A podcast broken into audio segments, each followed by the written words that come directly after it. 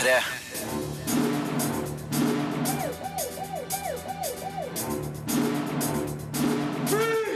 Filmpolitiet! What's your name, dude? Birger Vestmo. What kind of stupid name is that? Fabeldyr og hvor de er å finne er frydefull underholdning. Etter stormen er et herlig lite drama. Dishonored 2 er en seier for spillegleden.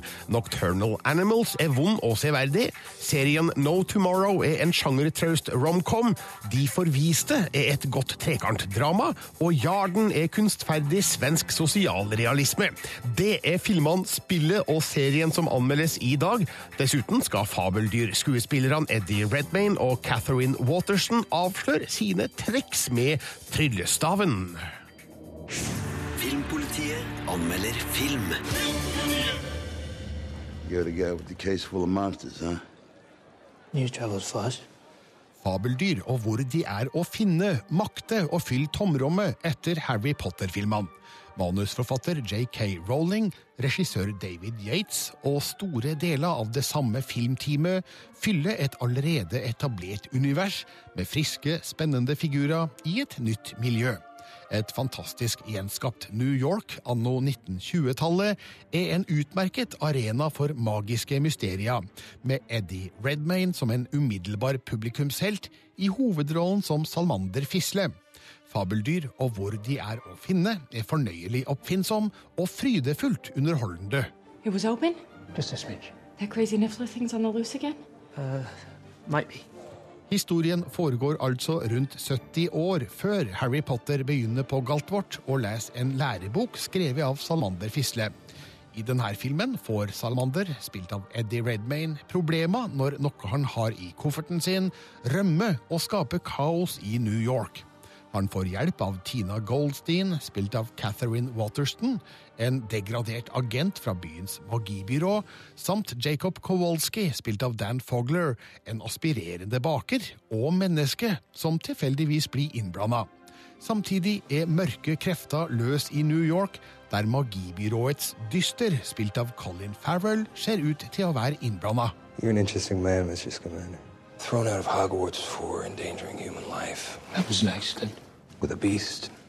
Filmens største fortrinn er at vi allerede kjenner universet historien foregår i. Kontinentet er kanskje et annet, men de samme reglene gjelder. Også her lever magikere i skjul for menneskene, og har et byrå som styrer dem og ordner opp når noe går galt. Historien introduserer oss imidlertid for et rikholdig galleri av all slags skapninger som ikke er sett før. Det her gjør Fabeldyr og hvor de er å finne, til en frisk og energisk eventyrfilm som verken føles som en kopi av Harry Potter-filmene eller et billig forsøk på å kapitalisere på nevnte filmseries popularitet. Fabeldyr-filmen står støtt på egne ben, og J.K. Rowlings manus viser lovende muligheter i et utvida univers. I was hoping you'd be able to tell me if there have been any sightings. You got a pretty big price on your head, Mr. Scamander. Regissør David Yates var òg mannen bak de fire siste Harry Potter-filmene, og det er åpenbart at han begynner å bli riktig så flink til å fortelle store historier med frodig fantasi. Fabeldyr og hvor de er å finne er overbevisende god, og kommer til å bli en fortjent kinosuksess. Mercy, Lewis, what is that? Nothing to worry about. That is a murtlap. Terningkast fem. Les mer om film, spill og serier på p3.no Filmpolitiet. Nå skal du få møte fire nøkkelpersoner bak fabeldyr og hvor de er å finne. Dette er jo navnet på en lærebok som Harry Potter leser i sitt første år på Galtvort. Forfatter J.K. Rowling fikk lyst til å skrive et filmmanus om forfatteren av denne boka, Newt Scamander, eller Salmander Fisle, som han heter på norsk. It was a textbook that Harry Potter used at school. During the writing of that textbook, I became quite interested in the ostensible author, Newt Scamander. And of all the characters in Potter who were just a name, he was the one who took on quite a bit of life in my mind. Newt's been traveling the world studying magical creatures. His ambition is he, he, he wants to write the book, he wants to write Fantastic Beasts and Where to Find Them. He wants people to understand how remarkable these creatures are, and he wants to educate the public and stop them killing them. A very laudable design, one would say. But Newt being Newt, he can't resist if he finds something that's injured or endangered, taking it with him. So over time, this case has become effectively a, a portable animal hospital slash safari park for endangered species. Det sa J.K. Rowling, som altså har skrevet fabeldyr og hvor de er å finne. Hovedrollene i filmen spilles av Eddie Redmayne og Catherine Waterston. Han vant Oscar for hovedrollen som Stephen Hawking i The Theory of Everything. Hun er kjent fra filmer som Inherent Vice og Steve Jobs. Nå spiller de henholdsvis Newt Scamander og Tina Goldstein, som begge er utstyrt med hver sin tryllestav. Her avslører de hvordan slikt utstyr skal brukes. Well, the, the first thing to know is there is no um, there's no specific There's technique. There's no wrong way to use a wand. There's only the right way, and there are some ways that are better than other ways. Oh, that's true. You're extraordinarily good at everyday work a day. I think is the word. I just want you to know that every time anyone asks us to teach them how to use the wand, Eddie passes it to me.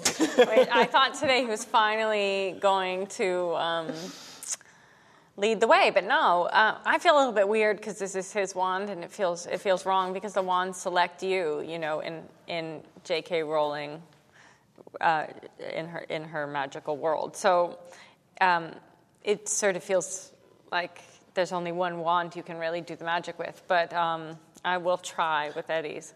So yeah, the everyday magic. I mean, I guess everything we did with the ones you realize is.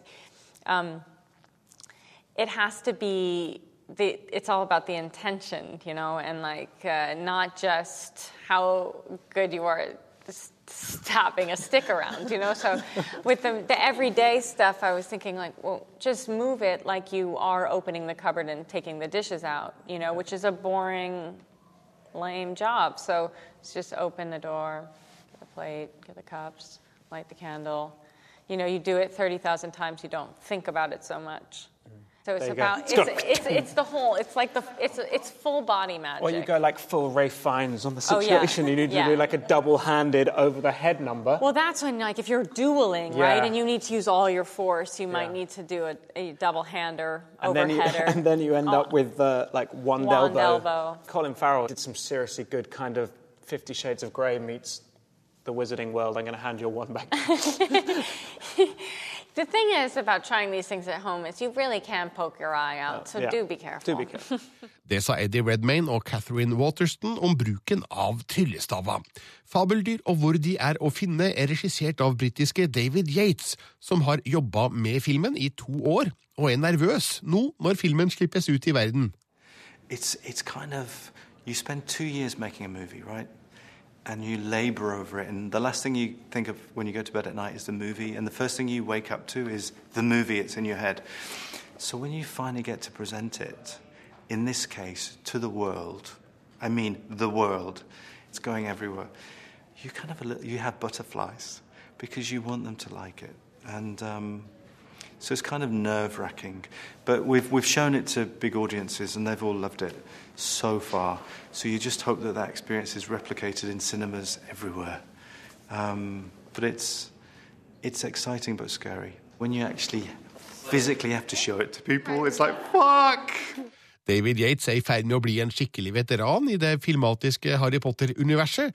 Han regisserte nemlig de fire siste Potter-filmene, altså Phoenix-ordenen, Halvblodsprinsen og Dødstalismanene del 1 og 2. Men den gangen jobba han ikke så nært med JK Rowling som han har gjort på Fabeldyr og hvor de er å finne. Joe, I didn't work that closely with Joan Potter because she was every time we were making a movie, she was writing a book.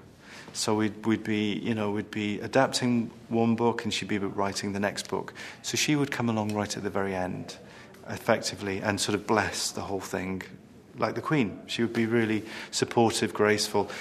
I have worked much more closely with her on Fantastic Beasts. She's writing the screenplay, and that's been thrilling because she's a great um, fabulous sort of uh, fount of energy, creative energy. And you know, the adaptation process for Potter was, you know, we take the book and we take the bits that we liked. Whereas in this case, we're sitting with Jo as she writes it from scratch. And that's fun. It's really fun. And um, it's very relaxed and it's very um, easygoing. That's not to say we don't all work incredibly hard to get to where we need to get. Jo, particularly, is really hard on herself. You know, for example, we'd say, at the end of a script session, I'd say, Joe, you know, why don't you work on that over the next two, three days, and we can all take a look at it then. And then she'll stay up all night. And the next day, she'll have a, a different sequence, for example, because she obsesses about things and she wants them right ultimately. So she's, she's got amazing energy and focus and ambition when she works. One of the things we do do um, is that we sit around a table together, and when the scripts are being developed, we'll sometimes just sit and read them. So Joe will read some of it, I'll read some of it. Steve Clovis, who works with us, will read, and the three of us will sit there like we're at primary school, just reading the script out loud. And what that allows us to do is feel the movie in the room. So as as I, I'll read 20 pages, and then Joel read 20 pages, and Steve will read 20 pages, and, and you can feel the movie in the room as you read. And then we go dive back in and decide what we like, what we don't like. Um, and were Joe, and ultimately there, were there to guide Joe and to sort of shape this amazing stuff that's coming out. And she's sort of like a volcano of ideas. Um, and ultimately, she knows exactly what story she wants to tell. And, but it, it's a process of, of, of, of finding the parameters of that to allow her to fly. And, that's, and it's been a really thrilling e- experience working with her. Det sa regissør David Yates om å jobbe med manusforfatter J.K. Rowling. Beundringa går faktisk den andre veien òg. Rowling liker veldig godt å jobbe med David Yates. I was thrilled David Yates wanted to do it. He's just the nicest man who ever walked the earth. He's great. He understands the world and the material so well. We've always got on so well, and, and we worked together, I think, really well. sa J.K. Rowling. Fabeldyr og hvor de er å finne er full av effekter, både når det gjelder omgivelser og diverse skapninger. Her forteller Eddie Redmayne og Catherine Waterston hvordan det er å spille mot ting som ikke fins. We, yeah, we were given a lot of help. Yeah. A lot more than you'd expect. When you see the film, you think, oh, this must have all been done artificially after we, fi- we finished shooting. But we had wonderful puppets and Mm. the puppeteers, who Eddie worked with more than I did, so take it away, Eddie. Well, we had take it away. Wow, there we go. Hi, good evening. Uh, we, no, they, but there were amazing moments where there would be like gigantic creatures that they had made with three puppeteers manning them, down to little, like little picket, who's a stick insect. They made a little wire sculpture that looked like a Giacometti sculpture or something that would sort of go along my fingers.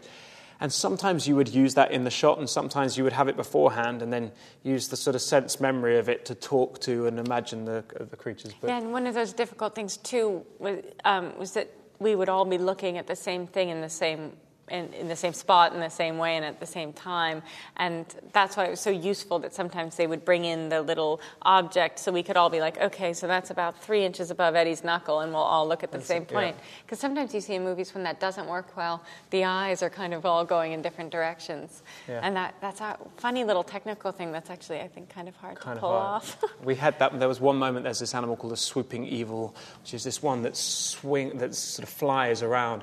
And there's a scene where Catherine and I were both having to eye it, and there was nothing in the air. So the two of us are doing this. We didn't know if that was too much me, or so whether I we had should. to be going, and he had to be going.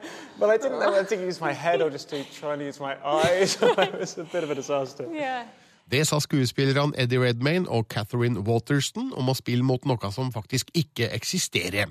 Regissør David Yates er ikke overraska over at skuespillere er i stand til å leve seg inn i en fantasiverden som de ikke nødvendigvis ser under innspillinga. You know what? Uh, but actors, they, you know, they, they act being in love. They act beating someone up. They act going over a trench and facing live fire in the First World War. If they can do all of that, they can act seeing an extraordinary creature. Because it's, it's the same muscle group, It's the same dynamic and it's the same emotional range.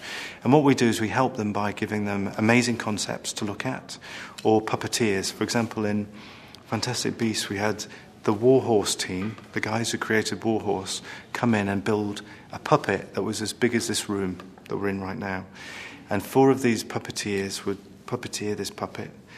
And so Eddie, when he was acting opposite the Rumpant, had a big puppet that was doing a, a mating dance with him. You know, and Eddie's a, Eddie and Catherine, they're all fine actors. So they engage their imagination, and they, that's what they do. They do that when they fall in love. They do that when they get angry. They, they just, you know, they act. So it's just, a, it's just more acting. Det sa David Yates, som begynner å få god erfaring med spesialeffekter etter fire Harry Potter-filmer og en fabeldyrfilm. Han skal òg regissere de neste fire i denne nye serien, og ser at jobbinga med spesialeffekter er i konstant utvikling. Well, it'll never stop developing. So it's, it's, it's a process of keeping on that wave, as it were. So, I mean, that's what's great about it. You know, we, and we learn something. When we sit down after we've released this movie and it's out into the world, and I'm working on the second one right now. We start shooting next July. Um, we're, we'll look at everything that we did in the first movie and we'll ask ourselves, what can we do better? How can we improve on it? What can we learn from it? What are the sort of new technologies coming out next year that we might be able to fold into what we do next year and the year after? So it's a constant process of assimilation and seeing how things are changing. But ultimately, it's about the artist to interpret it, you know? Because technology allows you to make things look a bit realer, but really it's the animators I use, you know, Pablo who brought the Rumpant to life or the Niffler to life. They're the real stars. The technology's a tool. You know, Pablo is Pablo was the Niffler. He was like an actor for me. You're directing Pablo as he animates, and he's interpreting, you know, the Niffler in interesting, fun ways. So people always talk about technology and how's it changing, and ultimately technology will always change and evolve, but it's the people behind it that make the process interesting. Det sa regissør David Yates, som altså skal få gode muligheter til å utforske nye og spennende måter å lage fantasifilm på. Han skal som sagt lage fire filmer til i serien Fabeldyr og hvor de er å finne.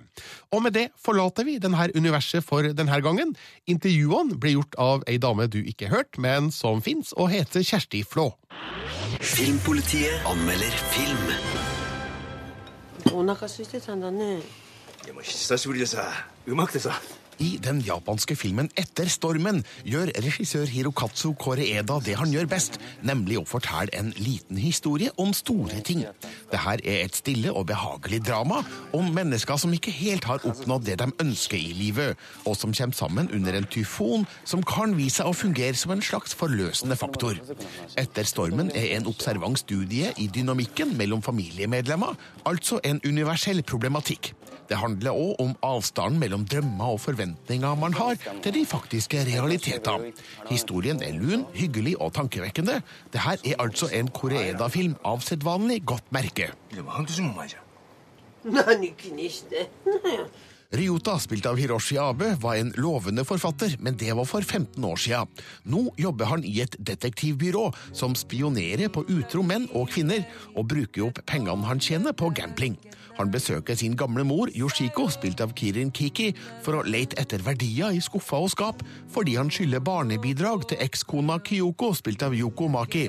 Sammen har de sønnen Shingo, spilt av Tayo Yoshisawa, og nå skal Ryota straks møte dem begge, samtidig som en tyfon nærmer seg. こ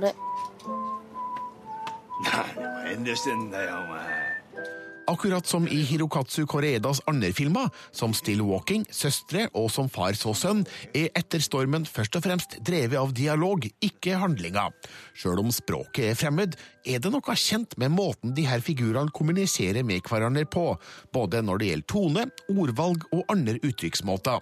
Ryota, Yoshiko og Kyoko har en ulik tilnærming til sine liv som er ganske typiske. Først og fremst handler det om en mann som leter etter lykken, men som begynner å ane at han allerede har kasta den bort. Ryota har på mange måter ødelagt for seg sjøl gjennom et handlingsmønster som åpenbart er nedarva fra hans avdøde far. Etter stormen er en flott skildring av en familie etter oppløsninga, der Kyoko ikke fullt så subtilt jobber for at eks-svigerdattera skal gjenforenes med sønnen, som heller ikke er fremmed for tanken, sjøl om det er åpenbart at det toget har gått. Hirokatsu Koreedas eget gode manus gir dryppvise observasjoner av Ryotas personlighet. Han kan være både kjærlig, lojal og oppofrende, men òg retningsløs, full av hvite løgner, talentløs med økonomi og ikke alltid til å stole på. Hans forsiktige, og noen ikke fullt så forsiktige, tilnærminger overfor ekskona, kjeklinga med søstera og hans generelle tiltaksløshet gjør han til et menneske man vekselsvis føler sympati og indignasjon med. Etter stormen er et stillfarende drama som vekker begeistring med beherska skuespill, et velskrevet manus og trygg regi fra en filmskaper med et stort hjerte.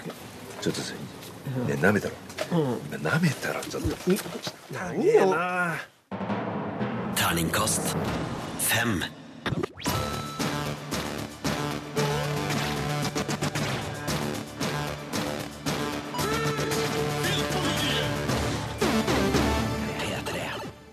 Nå skal det handle om spill.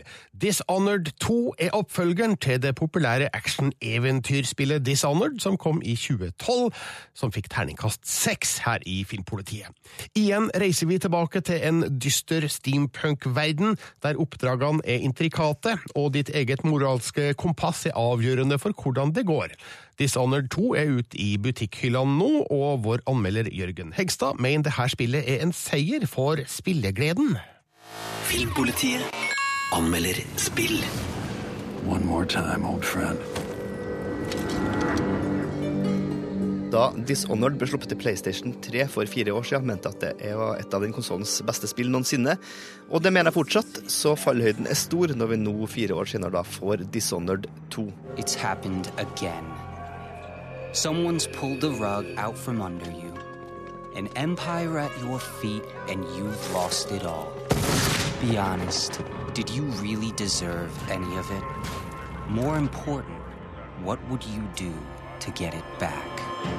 Det er gått 15 år siden handlinga i Dishonored 1, og Corvos datter Emily er nå på tronen. Men grunnet eh, en rekke uforutsette omstendigheter, så er hun plutselig funnet seg detronisert, satt i fengsel, og må sjøl komme seg unna.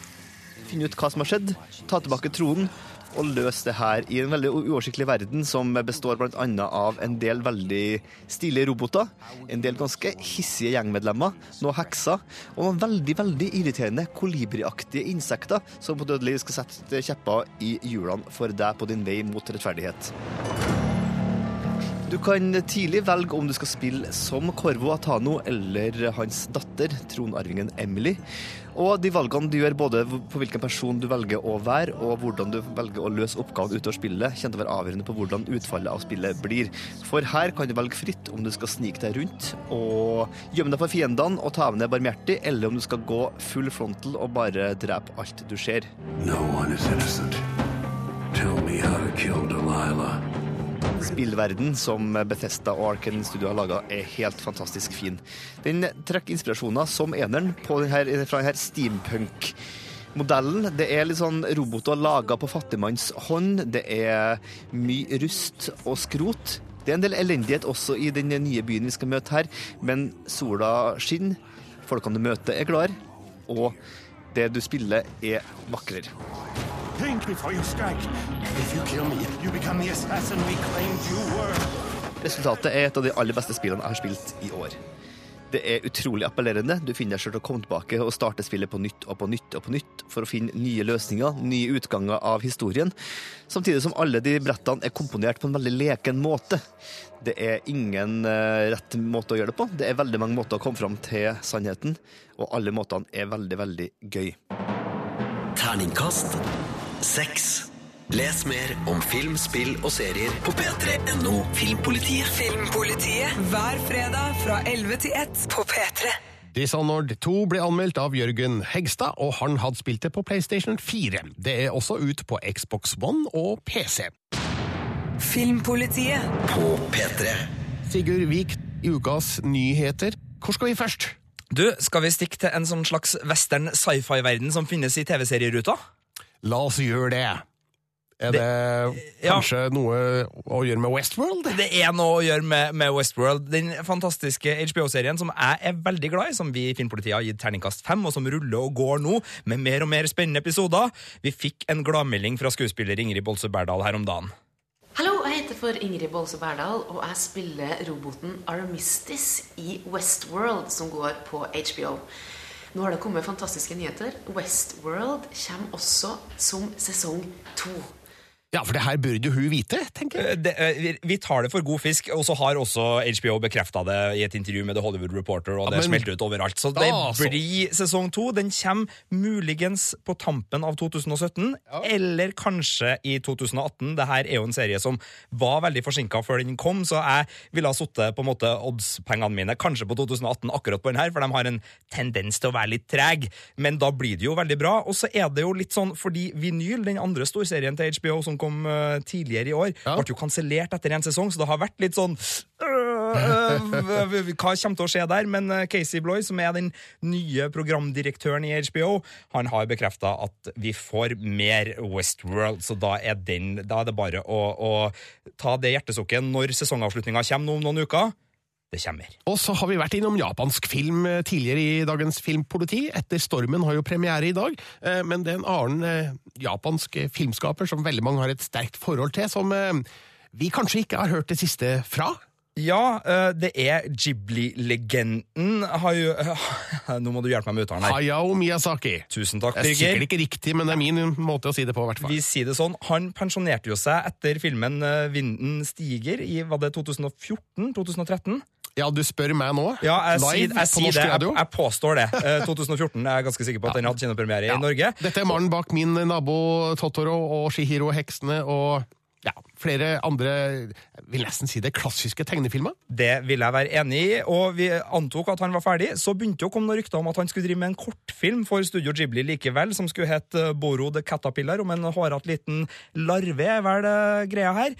Og nå har beskjeden kommet fra en japansk dokumentarfilm som ble vist på søndag, at uh, det blir en langfilm, sannsynligvis av det her, en helaftens animert film, som skal komme i 2019, før Tokyo-OL i 2020. da. Den har ikke fått grønt lys fra Ghibli enda, sies det, men mannen sjøl har i hvert fall bekrefta at han driver og jobber med den. Det må bare skje. En siste film fra Hayao Miyazaki? Ja takk.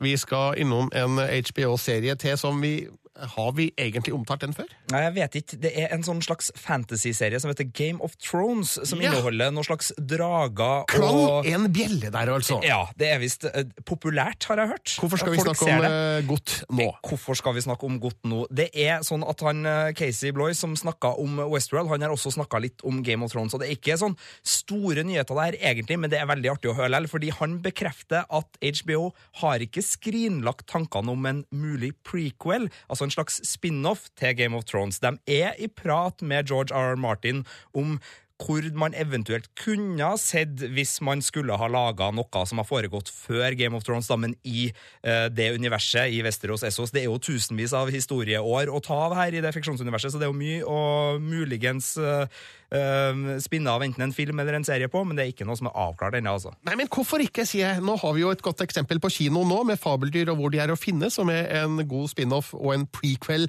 til Harry Potter-filmene på, på en måte, fra det samme universet, og det kan vel godt overføres til Game of Thrones også? Absolutt, og det er jo masse fanteorier der ute, spesielt på, på Reddit, om hva man ønsker seg. da. Man har jo fått glimt i Game of Thrones av historier og legender og sagn. Det kan jo være at noen av dem vil passe veldig bra, og andre ting. Vi skal ikke snakke for mye om det, for da blir vi spoilet, så nå skal vi passe på her. Men det her er altså ikke noe som er bekrefta på noe som helst vis, men HBO sier at vi er fremdeles, det er fremdeles noe vi snakker om, så det er ikke utelukka. HBO bekrefter at det er ikke utelukka. Hvis det gir mening. Ja, det gir litt eh, mening, faktisk. Vi skal innom spill. Red Dead Redemption 2. vil gi et optimistisk bilde av Amerika? Ja, det er i hvert fall eh, det de sier, eller det er det Strauss Selnick sier, som er sjefen for ikke Rockstar Games, men enda høyere opp. Han er sjefen for Take Two, som er da dem som eier Rockstar Games, som er da dem som gir ut blant annet Grand Theft Auto, uh, Grand Theft Auto og uh, Red Dead Redemption-spillene. Grand Theft Auto? Ja, helt riktig. Det kom jo en, beskjed, en gladbeskjed for oss som er glad i skytespill og western, om at Red Dead Redemption 2 kommer. Den beskjeden kom i oktober, og uh, spillet er planlagt for uh, en høst-slash-vinter-release neste år, i 2017. Men nå uh, kommer da beskjeden om at dette spillet will offer a big, sprawling, optimistic view of America. Uh, og det er det da Selnik som sier, og han uh, sier at det er ikke noe pun intended i forhold til siste begivenheters gang i USA, men altså en optimistisk western. Western er jo ofte kjent for å være litt gritty. Det brukes i hvert fall ofte til en, som en sjanger nå, på litt sånn eh, seige og, og pinende historier, men det er jo også en sjanger som er veldig fin i forhold til åpne landskap og muligheter på frontiergrensa, så det her kan jo bli veldig spennende. Jeg gleder meg i hvert fall. Så Red Dead Redemption 2 uh, blir et westernspill der alle er snille med hverandre, og alt går bra. Absolutt. Right. Det er det vi tror. Filmpolitiet anmelder film. I never sleep. My used to call me a nocturnal animal. Regissør Tom Ford gir seg ut på et vågestykke i Nocturnal Animals. Dette er et velspilt drama som inneholder interessante spenningselementer, der sentrale figurer møter moralske utfordringer. Riktignok er filmens rammeverk i overkant kjølig og følelsesløst, mens historien i historien plages av noen fortellergrep som ikke sitter helt som de skal, og som døyver slagkraften. Man sitter igjen med følelsen av at Tom Ford er inn på noe stort, men ikke har klart å gjennomføre det på en overbevisende måte. Nocturnal Animals har likevel såpass solid skuespill og noen opprivende sekvenser som likevel gjør filmen vond og severdig. It's weird. I've been thinking about him a lot lately, and then recently he sent me this book that he's written, and it's violent and it's sad, and he titled it Nocturnal Animals, and he dedicated it to me. Susan Morrow, spilt av Amy Adams, blir tilsendt ei bok skrevet av eksmannen Edward, spilt av Jake Gyllenhaal, som hun brutalt forlot for flere år siden. Boka handler om en familie som blir utsatt for noe forferdelig på en øde vei i Vest-Texas, og hvordan Tony, også spilt av Jake Gyllenhaal, ett år senere forsøker å finne tre gjerningsmenn, sammen med politimannen Bobby Anders, spilt av Michael Shannon, som er villig til å bruke uortodokse metoder. Etter hvert avdekkes litt av historien om forholdet mellom Susan og Edvard, og man forstår at den tilsendte boka har en spesiell hensikt. After the way you were driving? I'm sorry, what'd you say? Historien påstår at kvinner til slutt blir som sine mødre. Susan satser innledningsvis på kjærligheten til Edvard, men til slutt vinner behovet for økonomisk trygghet, som vi ser mora, spilt av Laura Linney, er svært opptatt av, og Susan gifter seg i stedet med den rike og flotte Hutton, spilt av Army Hammer. Problemet er at hele denne delen skildres så kort, kaldt og sterilt at man aldri føler noe for verken Susan eller Edvard. De blir som skikkelser i sin egen historie, som aldri får tid til å etablere seg skikkelig. What you got to say about this man's wife and daughter? I don't know nothing about that. I've never seen him before in my life. Det er en overbevisende stil over Tom Fords uttrykk, akkurat som i debutfilmen A Single Man fra 2009. Det er kanskje ikke overraskende, all den tid han er mest kjent som moteskaper. Nocturnal Animals er flott fotografert av Seamus McGarvey, som underbygger historiens kjølige stemning. Abel Korsanovsky har komponert musikk som vekker minner om 1950- og 60-tallets mestere. Når historien ikke treffer helt, er det på grunn av en emosjonell kjølighet som gjør at figurenes skjebne ikke gjør et stort nok inntrykk.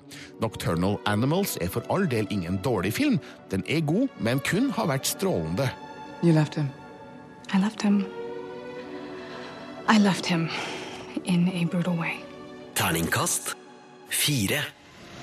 Les mer om film, spill og serier på p3.no Filmpolitiet.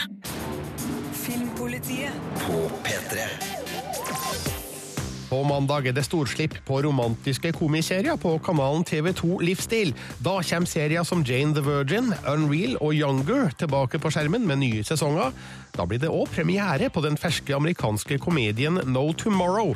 Verdens undergang er premisset for denne lettbente kjærlighetshistorien, som er basert på den brasilianske suksessen How to Enjoy the End of the World.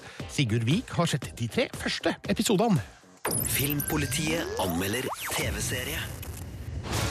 You're in your 30s. Your eggs are basically cooked. It's like a three day old quiche in there. No Tomorrow er en sånn serie som roper romkom av full hals. En familievennlig, søt og lettbeint romantisk komiserie pynta med vakre mennesker med relaterbare problemstillinger som er satt veldig på spissen.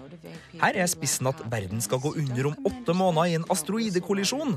Det blir en passe frisk og effektiv trykkoker for å stappe et ferskt forhold fullt av oppturer og nedturer. Humankind only has eight months and 12 days left on Earth. Excuse me? Småsjenerte Evie, spilt av Tori Anderson, møter sjarmerende Xavier, spilt av Joshua Sass, på grønnsaksmarkedet og faller pladask. Det eneste som er litt dumt, er at kjekkasen er overbevist om at verden skal gå under om åtte måneder. Men en apokalypse er da ingenting å deppe over, og Xavier har laga seg ei liste over alt han vil gjøre før verdens undergang. Og sjøl om Ivi sliter med å tro på Armageddon, så omfavner hun raskt ideen om å leve livet til det fulle. He's nuts, right? Totally nuts. An asteroid's not going to destroy the world. The Russians are. Dette er en serie som sikter på det brede publikum, og den er skrudd sammen for å gi tydelig feelgood i alle ledd. Grip dagen er seriens store budskap, supplert med litt følg hjertet ditt og vær deg sjøl som stødige sidehjul. Stilen er harmløs og ganske så markedstilpassa. This is my apocalypse. Every last thing I want to do before things go kaput. Run with the bulls. Try psychedelics. Touch the North Pole. No Tomorrow får likevel mye ut av sin ganske trauste oppskrift, og det kommer av at kjemien i rollegalleriet sitter godt. Tori Anderson og Joshua Sass klarer på uanstrengt vis å formidle glød og tiltrekning. Det er et par som funker fra første møte, og som har nok karisma til at en har lyst til å se neste episode. Hey. Hi. I have for you this. Hvis du ikke liker romkom-sjangeren, så er nok det her alt du forakter på samme fjøl. Men er du på utkikk etter en ny seriedate til sofakvelden, så er det her et trygt og ganske så hyggelig valg. Terningkast fire. Les mer om film, spill og serier på p3.no Filmpolitiet. Sigurd Vik anmeldt de tre første episodene av No Tomorrow, som har premiere på TV2 Livsstil mandag klokka 22.30. Men hvis du vil, så kan du allerede nå se pilotepisoden på TV2 Sumo. Filmpolitiet anmelder film.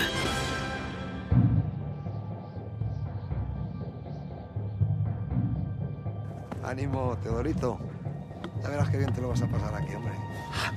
Den spanske filmen De forviste viser hvor lite man trenger for å lage en film. Nesten alt foregår i og rundt en liten steinhytte på fjellet. Rundt det her spinner regissør og manusforfatter Arturo Ruiz Serrano en historie om et annerledes trekantdrama under den spanske borgerkrigen. Noe av handlinga virker litt konstruert og tilpassa, men det intense spillet mellom hovedpersonene resulterer i noen interessante problemstillinger. De forviste blir dermed et tett drama om skjør tillit mellom mennesker som blir avhengige av hverandre under vanskelige omstendigheter. Historien foregår under den spanske borgerkrigen mot slutten av 1930-tallet. Theo, spilt av Juan Carles Suau, blir sendt til en utpost på et fjell ved Madrid, der han skal holde vakt sammen med Silverio, spilt av Erik Frances, som allerede har vært der i ni måneder. De oppdager en skada kvinne, nemlig Chloé, spilt av Monica Kowalska, som viser seg å være fiendtlig soldat. De burde egentlig overlevere hun til sine overordna, men Silverio har andre planer som Theo reagerer sterkt på. Es una roja? Te he que sea una roja. Esto. Aparta de aquí, coño. Som du sikkert forstår, blir Chloé gjenstand for Silverios drifta, men akkurat her kjører historien inn på et litt merkelig spor. Fra å motsette seg en voldtekt i det ene øyeblikket, vil Chloé plutselig ha frivillig sex med begge i det neste. Hun innser kanskje at det her er den mest praktiske løsninga, mens hun venter på at vinter blir vår og hun kan begi seg hjemover. Men det ser ikke ut som at ordninga bare er en overlevelsestaktikk. Her oppstår det nemlig ekte følelser under litt merkelige omstendigheter. Filmens skildring av det her trekantforholdet er litt vanskelig å tro på, men gir noen konflikter som gir filmen temperatur. Cojones pasa aquí? ¿Por qué manda él? Y aquí a los maricones los curan. A hostias. Esta montaña, que vuelve a la gente medio majara. De forviste har en enkel og effektiv scenografi som viser hvordan figurene påvirkes av å leve under spartanske forhold i det øde fjellet. De får oppleve en dose menneskelighet i en umenneskelig tid, der uventa allianser etableres og flammende følelser vekkes. Juan Carles Suau, Erik Francis og Monica Kowalska spiller godt, mens Arturo Ruiz Serranos filmspråk gir en klar følelse av skjebnene til de varme menneskene i det kalde fjellet. Ikke alle elementer er like vellykka, men De forviste er en film som greier å være hard og kald, samtidig som den er varm og vakker. Terningkast fire. Filmpolitiet. På P3.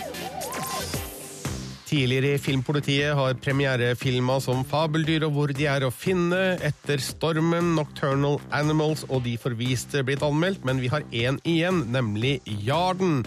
Og hvis du er fan av nordiske filmskapere som Roy Andersson, Bent Hamer og Aki Kaurismäki, så kan det hende at eh, den svenske filmen er midt i blinken for deg. Regissør Mons Monsson har laga en film som er visuelt kreativ, og som eh, takler hverdagsgrå samfunnsproblemer med et godt blikk for det litt absurde. Sigurd Vik har sett Jarden. Filmpolitiet anmelder film. God morgen, alle sammen. 164,82, 141,73, 192,13. Jarden er en kunstferdig film som med sårhet, komikk og brodd serverer et vellykka stykke svensk sosialrealisme. Filmen er basert på ei bok av Christian Lundberg, som skrev Jarden etter å ha jobba en periode på Malmö havn. Dette er en treffende skildring av en tafatt manns stadige utilstrekkelighet, som sparker borti både arbeidslivets ubarmhjertige gråhet og det svenske klassesamfunnet. Tjena kompis. Var kommer, var kommer du fra? Hvilket land er du fra? Fra Sverige. En svensk dikter og alenefar, spilt av Anders Mosling, møter veggen som forfatter. Forlaget sier adjø, og bokhandlerne sier nei takk til restopplaget. Han må ha mat på bordet og blir da ansatt nummer 11811 på Jarden. En gigantisk parkeringsplass nede på havna i Malmö. Han passer dårlig inn på sin nye arbeidsplass. Her jobber det stort sett mannfolk med innvandrerbakgrunn, og dikteren skiller seg ut med sin middelklassebakgrunn og sitt forsiktige vesen. Det blir ikke bedre da arbeidsgiveren innfører en bonusordning for dem som angir uærlige kollegaer. Jag vet hvem det er som stjäl de der eh, airbagsene. Jarden er en film som kommuniserer i flere lag. Hovedpersonen er gjennomført stillferdig, men tunge anslag av orkestermusikk løfter fram de dramatiske følelsene han sliter med. Og i andre scener for tragikomiske og ofte absurde situasjoner gir kraft til den økende håpløsheten rundt den. Har du tid? Nei. Kan du hjelpe meg? Jeg tror jeg har fått fel lön. Regissør Mons Monsson har et godt blikk for å bruke romfølelse til å trenge inn i scenenes sårhet, hvor kameraets distanse ofte brukes til å vise oss det som mangler. Jeg har ikke vært så sent. Kanskje noen minutter. Om, om du kommer en sekund for sent så er det 15 minutters avdrag. Det er noen scener som nok var bedre i manuskriptet. Sønnen blir overkant usympatisk mot sin far ved flere anledninger, og en klein kassegitarsang på en kontorfest har ikke framførelsen til å virkelig ta sjefene på kornet. Men Jarden er en veldig god film som med visuell egenart og poengterte observasjoner maler et mismodig bilde av livet rundt den svenske fattigdomsgrensa. Både for dem som synker ned mot den, og for dem som desperat prøver å klamre seg til den. Terningkast fem. Les mer om film, spill og serier på p3.no Filmpolitiet. Jarden ble anmeldt av Sigurd Vik. P3. Sjekk ut alle anmeldelser av premierefilmene på p3.no Filmpolitiet. Jeg heter Birger Vestmo, og ha en riktig god fredag, og god helg! Hør flere podkaster på nrk.no podkast.